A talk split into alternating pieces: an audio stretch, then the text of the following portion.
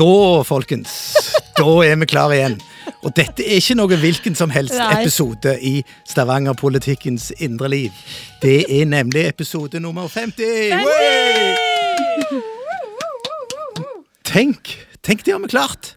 Dette Ja, det var en idé utrolig. som vi kom på på et lite kontor på Stavanger rådhus. Så så vi og snakket og tenkte hvordan, alt det vi snakker om her nå, hvordan skal vi få det ut Ja. til folket? Det folket? Det var det som var vårt mål. Vi kan ikke bare sitte her på kontoret. Og så vet dere, det er vanskelig å komme på alle veier. Så tenkte vi ok, podkast. Og så hadde Marie en kjenning i det frivillige livet som drev en, en som jobbet i en, i en menighet ute på Forus som heter Kristen tjeneste. Der var det faktisk et podkaststudio. Og så har vi fått anledning til å sitte her og spille inn 50 episoder. Og vi har hatt besøk av veldig mange spennende eh, personer. Eh, altså, vi har hatt besøk av Knut Arild Hareide, biskopen. Hun har jo, hadde jo en susende vits til oss som vi likte. Så vi har hatt veldig mye kjekt her inne. Er dere ikke enige? Jeg blir glad bare jeg tenker på den Ja, vitsen. Men, Men, ja, vi har hatt det vanvittig gøy. men det kjekkeste er jo at vi sitter her i sammen og drodler og snakker. Står på Stavanger, drodler. Snakker sammen og tenker høyt. Det er jo det kjekkeste. Vi treffer jo hverandre på et sånt kult nivå. Vet du hva, Dere er jo de, noen av de jeg bruker mest tid med i hele livet, for å si det sånn. Eh, gjennom at vi sitter og snakker så mye som vi gjør, både på de møtene vi har, men òg disse podkastene. Jeg er rett og slett blitt glad i dere, begge to. Oh, Og skal du ut av politikken, Marie. Ja. Dette samsvarer ikke. Dette kommer jeg til å savne. Det å Ja. sitte her og snakke litt politikk og litt eh, raddel, det, det kommer jeg til å savne Mm. veldig. Ja, det, det, er, det er spennende. Og, um, og det er jo en måte å få ut eh, budskapet vårt på. Ja, for jeg var nettopp en samling nå, og da var det en som sa at eh, jeg hører, jeg abonnerer på denne podkasten, jeg hører på den hver gang. Og det er så interessant. Ja. Ja, og jeg får vi, vi har vel alle fått eh, litt tilbakemeldinger fra gruppeleder i SV, som er fastlytter Bare Ja. han eh, gidder å klikke seg inn og høre hver gang. Det syns jeg er kjempestas. Ja, Liten hilsen til Eirik Fatiker Ja. Der. Ja, og jeg har fått eh, ja, jeg har, Egentlig så burde vi jo tatt de tilbakemeldingene vi fikk, og så på en måte lest opp her, men det, det har vi jo aldri gjort. Men akkurat sånn, det er ikke noen som er i tvil om at vi er for badeland, eksempel. Ja, det er jeg veldig glad for. Hvis jeg har etterlatt et inntrykk av at vi om vi ikke vil noe annet, så vil vi iallfall badeland. Da er jeg veldig Vi vil fornøyd. mer enn det som sagt, men badeland er viktig. Badeland Må være veldig seriøs på det. Ja, ja. Jeg får lov å si badeland først. Ja. Og nå er det planer i Jåttåvågen. Jeg var nettopp på en samling, og der snakket vi om badeanlegg og badeland i Jåttåvågen. De legger det inn i planen sin. Ja, det er Og dette er kult. veldig, veldig gøy.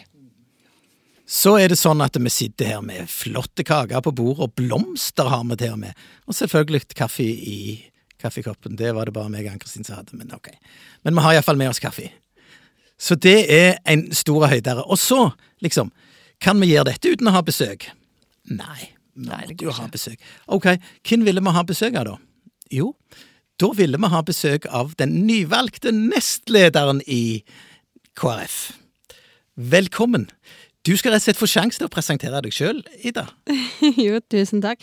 Jeg som trodde at uh, du hadde kake bak i bilen, og at Ann Kristine hadde med seg blomster til meg, og så var det liksom dere som feira 50 år, så jeg, jeg tar den. Jeg tar den. Uh, i, 50, og ikke 50 år. ikke 50 år, heldigvis! det blir 50 år. Det kan bli. Ja. Nei da. Eh, ja, Ida Lindtveit Røse heter jeg. Nyvalgt eh, nestleder i KrF. Veldig glad for å være her da, i Rogaland. Eh, på besøk. Har vært på familiesenteret i dag og skal være her i et par dager, så det er veldig hyggelig. Jeg kommer eh, fra Østlandet, det glade Østlandet, og har eh, mann og tre barn der, som er middels glad for at jeg reiser mye, men eh, er veldig glad i KrF. Så det er eh, komboen eh, for meg. Ja. Ja. Og så er jeg lokalpolitiker i, eller ja, fylkespolitiker i Viken. da. Det er akkurat det du er. sånn at vi tenkte, Siden vi har jubileum, så tenkte nå skulle vi snakke om inndelingsloven og oppløsning av Viken og greier, men det tror jeg vi legger vekk. Ja, jeg har jo prata veldig mye om det. Altså, det er mye man kunne brukt eh, penger på, og av alle ting så valgte Senterpartiet å bruke det på å løse opp eh, fylkeskommuner. Så um, det, det kan vi jo um, diskutere en annen gang. Ja, det kan vi. Men altså, du, du, vi var jo på landsmøte, hadde et veldig bra landsmøte, og, og, og du ble jo valgt med, med god margin. Eh, og så husker jeg talen din når du hadde eh, vet ikke om det var sånn valgtale, men, men du snakket om næringsliv og lokalt næringsliv. Det merka jeg meg faktisk. Tenkte ja, det var, det var genialt. For det er viktig. Vi skal inn i et lokalvalg og sånn. Så det er tydelig at det er noe du, du faktisk brenner litt for. Ja, det er det. eh, Og spesielt syns jeg jo at regjeringen har påført oss eh, i dette landet en ganske alvorlig situasjon. Eh, Både med å eh, ganske drastisk øke skattetrykket på norskeide bedrifter, og så lanserte de jo grunnrenteskatten litt sånn over natten, en veldig uryddig prosess rundt den. Eh, Og vi ser at det har eh, påvirket eh, norske næringslivet stort. Og KrF er jo et parti som har en lang tradisjon og arv, altså etter Hans Nilsen Hauges tid. Vi ønsker å bygge samfunnet nedenifra, og norskeide lokale hjørnesteinsbedrifter er helt eh, superviktig i det bildet. De skaper arbeidsplasser, og ikke bare det, de skaper også ringvirkninger lokalt. Eh, de er med på å støtte ja, om det er frivilligheten, eller eh, det å gi plass på bygda. Det er jo eh, mange som er eh, gira på å snakke om nærskoler, men du trenger ikke nærskole hvis ikke det er unger. Du kan gå på de nærskolene, og da er bedriftene langs kysten kjempeviktige. Ja, ja. Vi har jo snakket litt om det i denne podkasten i forhold til dette med hvor viktig det er å skape før vi deler. Eh, og det er jo det en er inne på her. Kjenner ikke Ann-Kristin? Mm, jo. Og så synes det er viktig det vi snakker om, at det, det, vi skaper det nedenfra og opp. At engasjementet kommer fra den som på en måte gründer og tenker å utvikle nye ting. Mm. Eh, Jeg går på forskjellige bedriftsbesøk i det siste. Ja, og da er det klart at det handler om at det begynte en plass, og så bygger de videre på det, og så utvikler det seg. Eh, Og det der er enormt viktig, da, selv om det er ganske krevende å starte en ny bedrift. Det er det jo. Så de som er etablert allerede, de som er på en måte hjørnesteinsbedriftene, må også oppleve at de blir ivaretatt. For at de er jo det som skaper det lokale samfunnet. Mm. Og i Stavanger har vi jo flere hjørnesteinsbedrifter her, da. Eh, Blant annet Rosenberg, og vi har disse oljebedriftene som vi har, som da genererer veldig mange andre ting utover. Og så er vi jo landets største nesten havbrukskommune. Ja, Og den lakseskatten har jo Ja. vært veldig krevende for mange. Så det er, ja. Ja. Nei, men det er bra. Men eh, så er det jo litt sånn som, som eh, du, er, du er mor. Eh, tre, tre barn under fem år, er det det? Så du er midt i en sånn travel fase i livet. Absolutt. Ja. Ehm, var liksom sånn KrF, var det helt Det var bare helt opplagt at det skulle bli et engasjement i KrF, eller er det Ja, altså jeg er jo litt sånn der den typiske eh, elevrådslederen, liksom, som var det på skolen og var med i ungdomsrådet i kommunen eh, gjennom eh, oppveksten. Og da jeg skulle bestemme meg for parti, så var det utviklingspolitikk som var helt sentralt for meg. Det er det fortsatt veldig grunnleggende i mitt politiske engasjement. Og da eh, mente jeg at eh, KrF eh, hadde den beste utviklingspolitikken. Meldte meg inn i KrFU, og ble engasjert etter hvert i KrFU. Og ja, var både fylkesleder og satt i landsstyret sammen med Marie. Og så nestleder og, og leder i KrFU etter hvert. Og så var jeg ute av politikken en liten stund, før jeg kom tilbake som gruppeleder i Viken og ble med i sentralstyret KrF igjen, og nå valgt som nestleder, da. Nei, men det er bra. Jeg har jo utrolig god erfaring med å være sammen med Ida i KrFU. Det var steinkjekt for eh, noen gode år siden. Men eh, Ida er litt yngre enn meg, men kom inn som en sånn eh, stjerne inn i KrFU-laget. Og eh, hun var leder på slutten av mitt engasjement, og gjorde en kjempegod jobb som leder. Så vi har jo gått eh, Vi har jo vært på noen arrangementer sammen, Ida, og ganske mange både leirer og konferanser og landsmøter, så det har vært veldig fint. Absolutt. Dere er heldige som var med i KrFU. Jeg kjenner litt på at jeg kom litt seint inn i politikken og fikk ikke med meg den KrFU-opplæringa. Og det sa jeg savna litt. Så det er dere heldige. Ja, det, det, det er bra å ha en sånn en, en, Man bare engasjerer seg tidlig, folkens, dere som hører på. Du lærer deg veldig raskt å mobilisere for forskjellige saker. Det var utrolig hvor mye engasjement det gikk an å ha for ulike saker, der du visste det var litt sånn jevne voteringer på landsmøtet og sånn. Altså, det var kjempegøy, og det virker som verdens viktigste ting å få landa mange sånne saker som er viktige for deg, og så er det kjekt å se tilbake igjen på.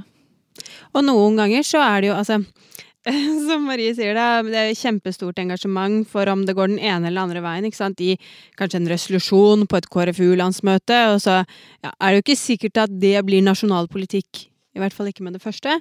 Men på noen områder så blir det jo det. Eh, mobbeombud, for eksempel, som eh, eh alle fylker har nå.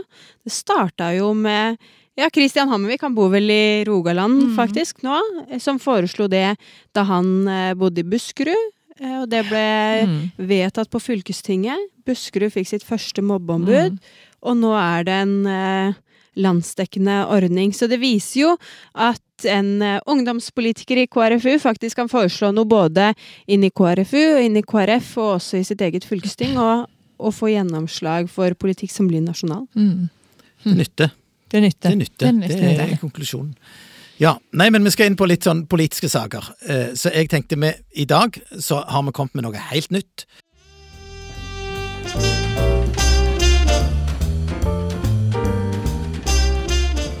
Vi presenterer en familiepakke som KrF skal gå til valg på. Så det skal vi komme tilbake til. Men siden vi har hatt et kommunestyre, og siden det kom opp en sak der som kanskje ikke var så veldig godt utreda, men den kom nå opp, Mm. det var dette med, med gratis kollektiv i Rogaland. I Stavanger, ja, ikke i Rogaland, ja, i men i Stavanger by Ja. for Stavanger innbyggere. er helt sant. Mm. Eh, Så den kom jo faktisk opp. Så jeg bare har lyst til så eh, eh, hvordan, Jeg tenker sånn fra de sier jeg det, har du fanget opp? Har du fått det med deg? Eh, Du, du er jo en sentral person i, i, i politikken i Viken, som jo er en fylkeskommune som har ansvaret for dette.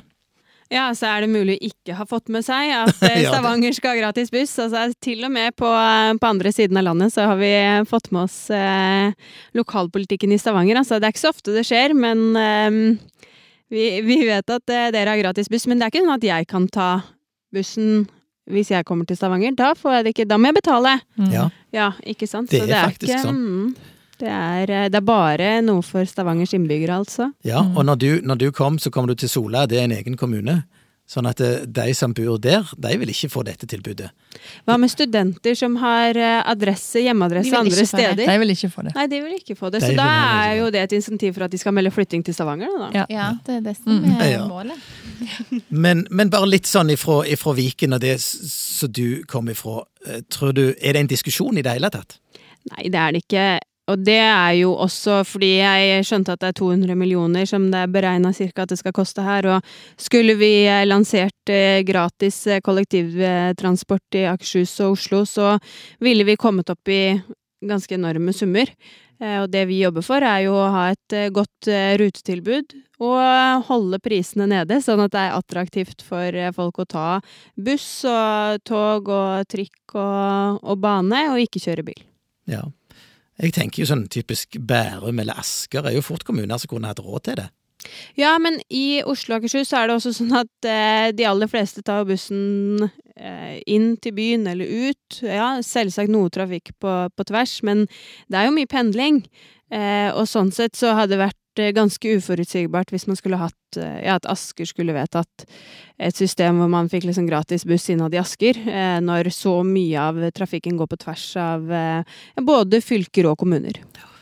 Nei, men hva sier du, Marie? Altså, du, du var jo i kommunestyret. Jeg, for min del, jeg var ikke i kommunestyret. Sånn jeg, jeg har ikke men, men du var der, Marie, og, og opplevde diskusjonen som jo oppsto uten et saksdokument, uten noen ting.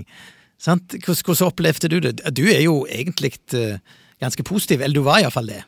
Ja, eh, selv om saken, Henrik, eh, bærer veldig preg av at det virker som at Arbeiderpartiet og flertallspartiene ikke kommer til å vinne valget igjen og få en ny periode, sånn som tallene er akkurat nå. Så for meg så virker det som at det la oss dra opp noe av hatten som kan endre dynamikken i valgkampen. Ja. Eh, og, men jeg syns det er litt kult, da. For valgkamp gjør at det av og til kommer noen saker på agendaen som ellers ikke ville kommet på agendaen. Fordi at det er da en vil på en måte vise at dette er det vi vil. Og det syns jeg er helt legitimt. De vil noe. De vil ha Mm. gratis kollektivt. Og jeg tenker, i et land som Norge, hvis vi virkelig vil ha folk over på kollektiv, så syns jeg at det er et kjempetiltak å bare gjøre det gratis. Og jeg sitter om morgenen og kjører forbi, og, og av og til teller jeg bilene som jeg møter i trafikken. Det sitter jo én og én person i de aller, aller fleste bilene som jeg kjører forbi. Det er nok mange av de som egentlig kunne tatt bussen. Eh, og jeg tenker at jeg liker mye bedre gulrotstenkningen enn eh, pisktenkningen. Og derfor så tenker jeg sånn, prinsipielt sett så syns jeg det er kult. Jeg er jo litt skeptisk når det skal tas av fondsmidler og egentlig bare gjøres for ett år. For ett år, det er jo kjekt med ett år, men, men det er jo enten når man vil gjøre det og faktisk legge det inn i budsjettene over tid, som ville vært på en måte den beste måten å gjøre det på. Mm. Men eh, utgangspunktet, positiv. Lukter det valgkamp? Oh yes. ja, Ja, det er ikke tvil det tror jeg nok jeg òg. Men, men dette med at de Dette med at eh, for, Dette med prosessen Tror du, folk, eh, tror du folk forstår Altså, Jeg tror nok kanskje litt sånn som du sier, at folk tenker dette var handlekraftig. Endelig noen som vil noe. Sant? Det er kanskje det som kommer ut, men, men prosessen med dette, hvem som har ansvaret for det, for eksempel, det er jo ikke kommunen, det er jo fylkeskommunen. Nei, og der tror jeg faktisk folk har litt sansen for litt sånn Drit i saksutredning, vi vil noe. For er det noe folk har har liksom forakt for i politikken, tror jeg da, er jo at ting bare tar vanvittig lang tid, og at du får ikke gjort noe, du vil noe, noen lover noe, men det blir aldri noe av. Nå kommer ordføreren på bordet og klasker i bordet fra 1. juli, det er jo ikke lenge til, det er jo liksom under en måned til nå. Så skal det være gratis å ta bussen i Stavanger. Og båt og tog. Og båt og tog. Eh, og så viser det seg jo nå at det er vanskelig gjerne å få det til sånn rent teknisk. Eh, sånn at det, det, hvis, det, hvis det blir mageplask og en må gå tilbake igjen på det, så tror jeg at det har veldig motsatt effekt enn det det har hatt foreløpig. For foreløpig tror jeg det har gitt litt sånn boost. Og jeg, jeg er positiv. Ja. Ja, men hva, var- sier, men hva sier du? Nei, skal vi jeg spørre deg Ann-Kristin, skal jeg spørre deg et, Ja. et vanskelig spørsmål. Mm. Hva sier vi da til de som Altså Når ordføreren står i debatten og sier at vi har veldig mye penger, eh, egentlig noe må vi bruke de på. Eh, Og så viser det seg at det der er Og så blir det utfordret Ja, vi kan ikke bruke de på eldre sykehjem. Nei, det, vi har ikke ventelister. Så viser det seg at eh, det hadde vi. Hva sier vi til de da? Vi blir svarskyldige da, kjenner jeg. For at det er klart folk venter på tilbud og tiltak, og vi har ikke nok penger til å gjøre alt. Og en ting er sykehjem og sykehjemsbygging, som vi har gjort ganske mye på de siste åra, og prøvd å få ned eh, ventelistene. Noe annet er foreldre som har barn med fysisk og psykisk funksjonshemming, som trenger det. De trenger egne aktivitetstilbud. De trenger at det er tilbud for dem, og så står de i venteliste til langt over 18 år og har ikke plass å bo når de skal egentlig flytte hjemmefra. Så belastningen på foreldrene er ikke så stor. Jeg tenker at Her har vi noen svar som ikke vi alltid kommer like godt ut av, tenker jeg da. Og så syns jeg at eh, eh, når jeg hørte ideen, syntes det var en knallinteressant og spennende idé, og veldig sånn fresh idé å komme og si det. Eh, samtidig som jeg da etter hvert når jeg tenker mer på det, lurer veldig på eh, hvordan det skal gjennomføres. Det er jo én ting, men hva effekt det har om faktisk folk slutter å kjøre bil og begynner på kollektiv når ikke rutetilbudet er godt nok. For det er jo det som er, at en ikke har godt nok rutetilbud. Så her er det mange ting. Jeg kunne jo heller tenkt meg at det var en form for veldig veldig redusert pris da heller. Men vi får se nå, da. Det blir spennende å se. Jeg skal ikke jeg vil ikke diskutere for mye i forhold til dette, for jeg tenker at vi har andre saker som vi er opptatt av i vårt program, og som vi skal lansere. Så jeg tenker at nå har vi snakket Du, nok om du, dette. du vil snakke om familie, du, vet du. Jeg vil snakke om vår Ja, ja, politikk. Ja, ja, da, vi skal komme inn på vår politikk, men, men det er klart, dette var jo interessant i og med måten det ble gjort på. Altså. Ja. Alle folk sitter jo som noen spørsmålstegn. Og og vi satt i kommunestyret som noen spørsmålstegn òg. Ja. Maria og meg og Jostein, som var representant for oss den dagen, fikk, jeg satt og forberedte meg til kommunestyret og skulle ha innlegg om, om um, tertialen, eller om økonomisk situasjon i kommunen, og så plutselig leser jeg på nettet, på, på Aftenbladet, Mm. at det skal være gratis buss. Jeg hadde ikke hørt et pip om det. Uh, og jeg bare tenkte hvor skal jeg gjøre dette? Hva, hva skjer nå? Og så treffes vi, og så skal vi finne en løsning. Og så i løpet av ettermiddagen det kommet et forslag til vedtak. Det er helt uvanlig at det kommer i løpet av møtet òg, for vi skal liksom låse dette her forslagsarket vårt. Så det var veldig mange ting her som var veldig, veldig spesielt. Absolutt. Mm. Og, og det er jo på en måte litt kritikkverdig Ja, syns jeg. Fordi at det, er jo en relativt stor satsing, og det at eh, kommunestyret iallfall er liksom litt sånn beslutningsdyktige og, og har liksom litt tid på å sette seg inn i saken, er jo ofte en fordel når en skal bruke 250 millioner. Det er helt avgjørende. Ja, det skal bli spennende å se hva summen blir, for det vet vi jo ikke ennå. Nei, det vet vi faktisk ikke. Mer. Det blir mye mer. Jeg tror jeg, jeg, tror jeg skal eh, begynne å ta bussen. Ok, da tar vi en eh, runde på det. Eh, noen Jeg sier 285 millioner vil det koste. 350. Oi, jøye meg. Anne-Kristin tok min 350. Begge to tror jeg det går ikke. For du må jo ta opp. Du må jo ta opp uh, uh, Skal du ned eller opp? Nei, da tar jeg en eh, uh, 300 blank. Sentrum. Sentrum av alt. Ja, Nei, ok. men eh, jeg tror det koster mer enn de 200. Ja, ja, det kan fort skje. Ok, men da har vi snakket litt om det. Nå skal vi over på det som egentlig er hovedsaken for denne podkasten, og egentlig denne, veka. Vi, vi har en presentasjon av vår nye familiepakke. Eh, og vi har vært rundt i dag og gjort det, og snakket med forskjellige folk som skal være med oss og få det til. Ida har vært med på dette. Du begynner å kjenne, kjenne til hva det er vi ønsker å oppnå her. Eh, det er jo i første omgang så er det fritidskortet. Det var jo planlagt for Stavanger kommune. Regjeringa hadde faktisk bevilga pengene, men så ble det regjeringsskifte, og så forsvant, forsvant pengene. Da var vel det 40 millioner det var snakk om for Stavanger, for å klare å realisere et fritidskort fra alle fra 6 til 18 år. Så det var en veldig god sak. Så det ligger inne i denne pakken. Og så ligger der inne en løsning der en skal få lov Altså hvis du er ansatt i Stavanger kommune, det er 12 000 som er ansatt i Stavanger kommune i dag. Hvis du er det, så skal du få lov å jobbe eh, 90% men få 100% lønn. Altså, Hvis du har barn opp til tre år. ja, hvis du har barn fra null til tre år. Ja, det er et vesentlig poeng, det. Det er et litt vesentlig Ja, ja, men jeg må, ja, men jeg må komme til det.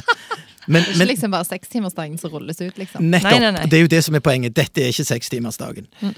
Så det er to punkt, og så er det to punkt til. Det neste det går på dette med i forbindelse med det som familiesenteret jobber med. De har lagd mange ulike satsingsområder. Det er én plass vi mener at de kanskje kunne sette inn litt mer krefter, og lagd et eget prosjekt, og det er der som barn opplever brudd. Altså enten det er ekteskapsbrudd, eller er dødsfall, eller hva som helst, så er det, så er det et brudd for et barn, og det er å ta det på, på alvor. Hva, hva syns du om eh, det som vi jobber med her nå, Ida? Jeg syns jo det er kjempespennende forslag som eh, Stavanger eh, KrF eh, presenterer her. Fritidskort er jo noe vi har jobbet med nasjonalt og går til valg på i mange kommuner. Så er det kommet en undersøkelse ganske nylig, sak om i går, som sier at tre av fire foreldre mener at det er vanskelig å kombinere jobb og familieliv. Og vi vet jo at utrolig mange foreldre står i denne spagaten, og samtidig så spør vi politikere oss hvorfor er det sånn at eh, familier får færre barn enn før? Hvorfor får man barn senere? Eh, Det er helt åpenbart at det har en sammenheng med at man ja, studerer lenger, vil ha alt på plass før man får barn osv., men også at det er krevende å kombinere jobb og familieliv. Og er det noe KrF ønsker i sin politikk, så er du i tiden tilbake.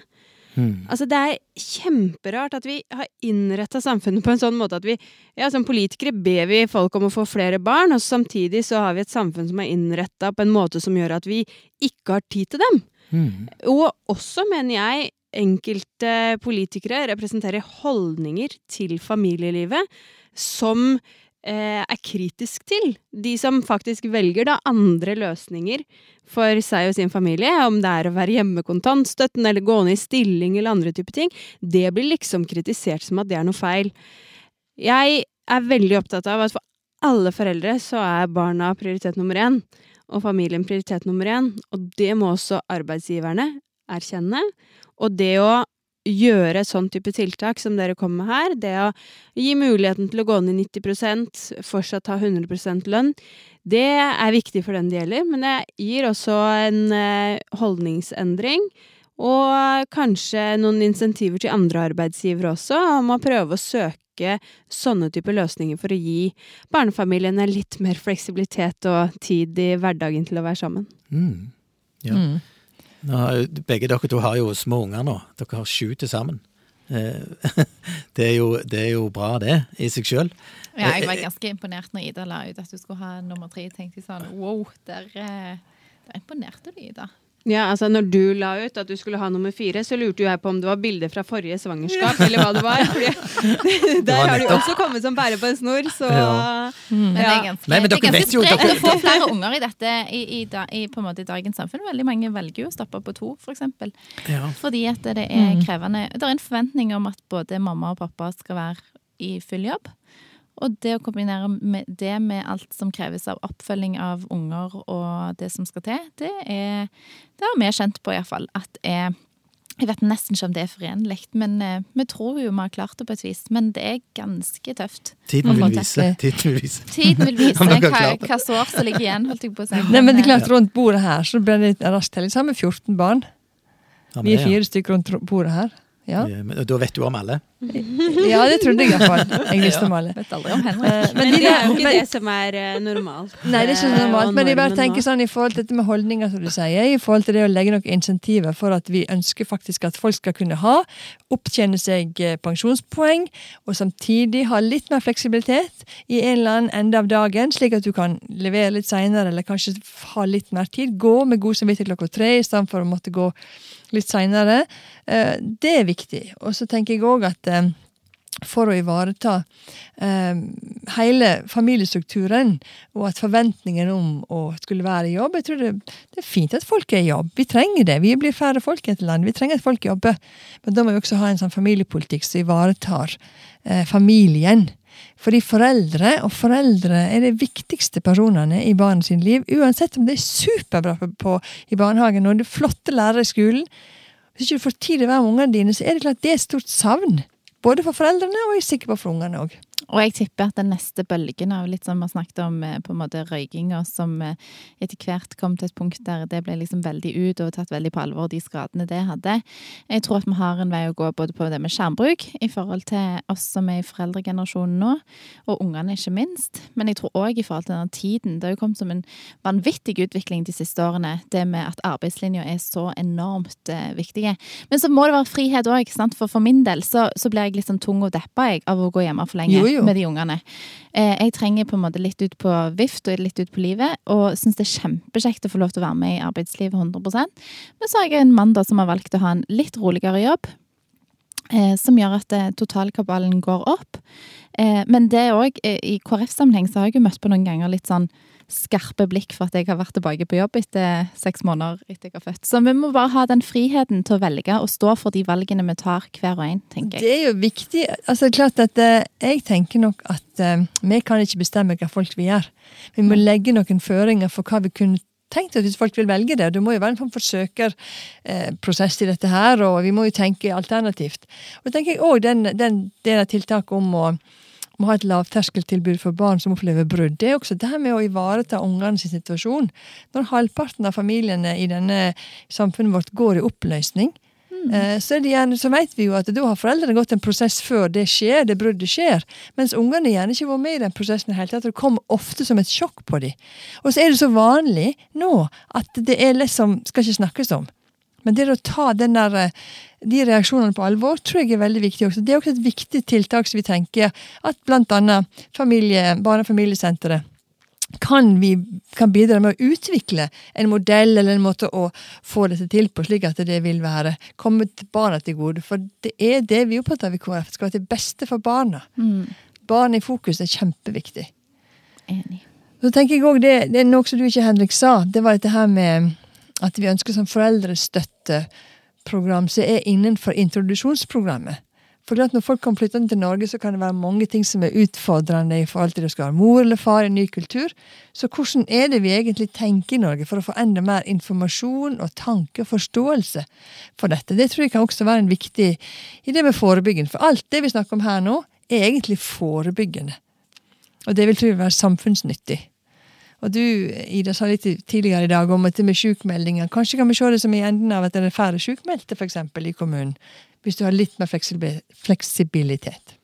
Ja, så tror jeg også det er lettere å komme tilbake i jobb. Mange opplever jo det, at når man har vært ute i permisjon, enten det er i seks måneder eller om det er i åtte-ni måneder, så kan det være krevende å komme tilbake i jobb fordi man kanskje fortsatt ammer, eller det er eh, fortsatt noen utfordringer eh, på nettene med litt eh, nattevåk og så. Og det å da vite at ok, men jeg kan ha litt mer refleks, da kan jeg kanskje komme tilbake i jobb, og jeg har en arbeidsgiver som tilrettelegger for den situasjonen som jeg er i. Istedenfor at man kommer raskt tilbake på jobb, og så går man rett på veggen fordi at det var mye press både hjemmefra og, og på jobb som man ikke greier å møte på en eh, god måte. Og så eh, blir man sykmeldt og, og eh, er hjemme på den måten istedenfor. Så her tror jeg det er um, mange gode tiltak som kan bidra til å gjøre det lettere å kombinere familieliv og arbeidsliv. For altså, de aller fleste vil jo ikke slutte å jobbe. Nei. Man ønsker eh, Mm, å ja. være i jobb, Mm. og man ønsker å ha et eh, godt familieliv, og et familieliv som eh, varer. Mm. Ja, det, det er veldig gode poeng, og det, som, det, det har jo du Ann-Kristin vært litt inne på. Du var jo lenge hjemme med ungene dine. sant? Og så ender du opp i en situasjon Hvis du hadde gjort det hele veien, så ender du opp i en situasjon hvor du ikke får pensjonspoeng. sant? Det, Ja, og det er klart, jeg, når jeg var 50 år, så gikk jeg og skulle sjekke hva min pensjon var, og den var så lav at jeg ville være minstepensjonist. Og, og da fikk jeg skikk... Det var, nei, dette kan, sånn kan ikke vi ha det i samfunnet vårt. Vi må passe på at vi som er kvinner, som da oftest var de som var hjemme, iallfall når jeg hadde små barn, at vi faktisk er oppmerksom på dette. At det ikke bare går av seg sjøl. Eh, og jeg vet jo, jeg har flere venninner som opplever samlivsbrudd når ungene er voksne, og så sitter de igjen med svært lite svært lite i pensjon, og faktisk en økonomisk krise. Så det der er også en kvinne, kvinnekamp. En kvinnesak. Oi, oi, oi. Jo, men jeg mener kvinnesak i forhold til det å holde folk i jobb, kvinner og menn, og få de pensjonspoengene som er. Helt opplagt. Hvis jeg skal dra én nasjonalsak inn, da, så er det jo denne tredelinga av permisjonen som vi har, Mm. som er veldig rigid, og som gjør at en del eh, kvinner da velger å være litt lenger hjemme med ulønna permisjon. Og plutselig så kommer man jo da i en situasjon hvor man ikke har fått eh, pensjonspoeng, og heller ikke har fått opptjent sykedager. Og hvis man da Eh, når man kommer inn igjen i, i jobb plutselig blir syk, så står man helt uten rett til sykepenger. Så dette er kjempeviktig, at vi har ordninger som ivaretar eh, familiene, og spesielt kvinner i en veldig sårbar situasjon. Man har ikke tenkt på de pensjonspoengene før man valgte å ta ulønna permisjon for å få det til å gå opp før barnehagestart, f.eks. Men så eh, kommer man på en skikkelig smell når man eh, oppdager at man ikke hadde de rettighetene som man trodde man hadde. Mm. Ja. Mm. Ja, nei, det er jo interessant med mange vinklinger av dette. Det er klart det at, eh, at vi i Norge føder så få barn som vi gjør. Altså, vi, vi må ha det er, Altså, tiltak hjelper. Mm. Det er sånn. Ja. Og det handler også mye om holdninger. Så vi må legge til rette for noen tiltak som kan skape noen holdninger. Men det er veldig meningsfullt å få barn, da. Ja, jeg føler på en måte litt av de der eh, profiler som jeg leser om, som på en måte har tatt sånn aktivt valg om ikke å få barn, og litt sånn ting som kommer litt eh, flygende av eh, litt sånn ting å, å gjøre og si og mene, som har vært litt på det å på en måte enten få få barn eller å ikke få barn, fordi at en ja, av ulike grunner vil velge det, så tenker jeg at eh, eh, det er veldig meningsfullt. Det er Mm, veldig, veldig, veldig. meningsfullt. Og så er det ikke alle som kan få barn, men da må vi iallfall legge til rette for at eh, de som er villige til å ta imot barn som trenger det, skal få lov til det. For Ja. det å være med og oppdra og se at eh, neste generasjon blir ansvarlig ansvarlige og gode folk, det er veldig kjekt. Ja, og da vil jeg bare si helt til slutt, fordi at det å være foreldre er en veldig viktig samfunnsbyggerfunksjon. Det vi bygger samfunn med å oppdra barn som da blir voksne, og som sjøl blir samfunnsborgere og gjerne tar en utdannelse og får en jobb og engasjerer seg i frivillig arbeid og det hele tatt. Vi gjør enormt viktig jobb. Så jeg bare heier så sinnssykt på foreldre. Jeg syns det er bare helt fantastisk, alle de mødre og fedre som står på hver eneste dag for at barna skal ha det bra, de skal kunne ivareta de, oppdra både psykisk og fysisk helse, at de virkelig passer på ungene sine. Det er helt fantastisk. Og det skal vi heie på. Det skal vi virkelig framsnakke, både i KrF og andre sammenhenger. Det er enormt viktig. Og her sitter vi rundt bordet, og jeg vet ikke hvor mange av oss har fått en klapp på skulderen og sier Takk for at du eh, har opptatt barna dine. Takk for at du bruker tid på det. Jeg tror ikke mange har fått den takken, faktisk.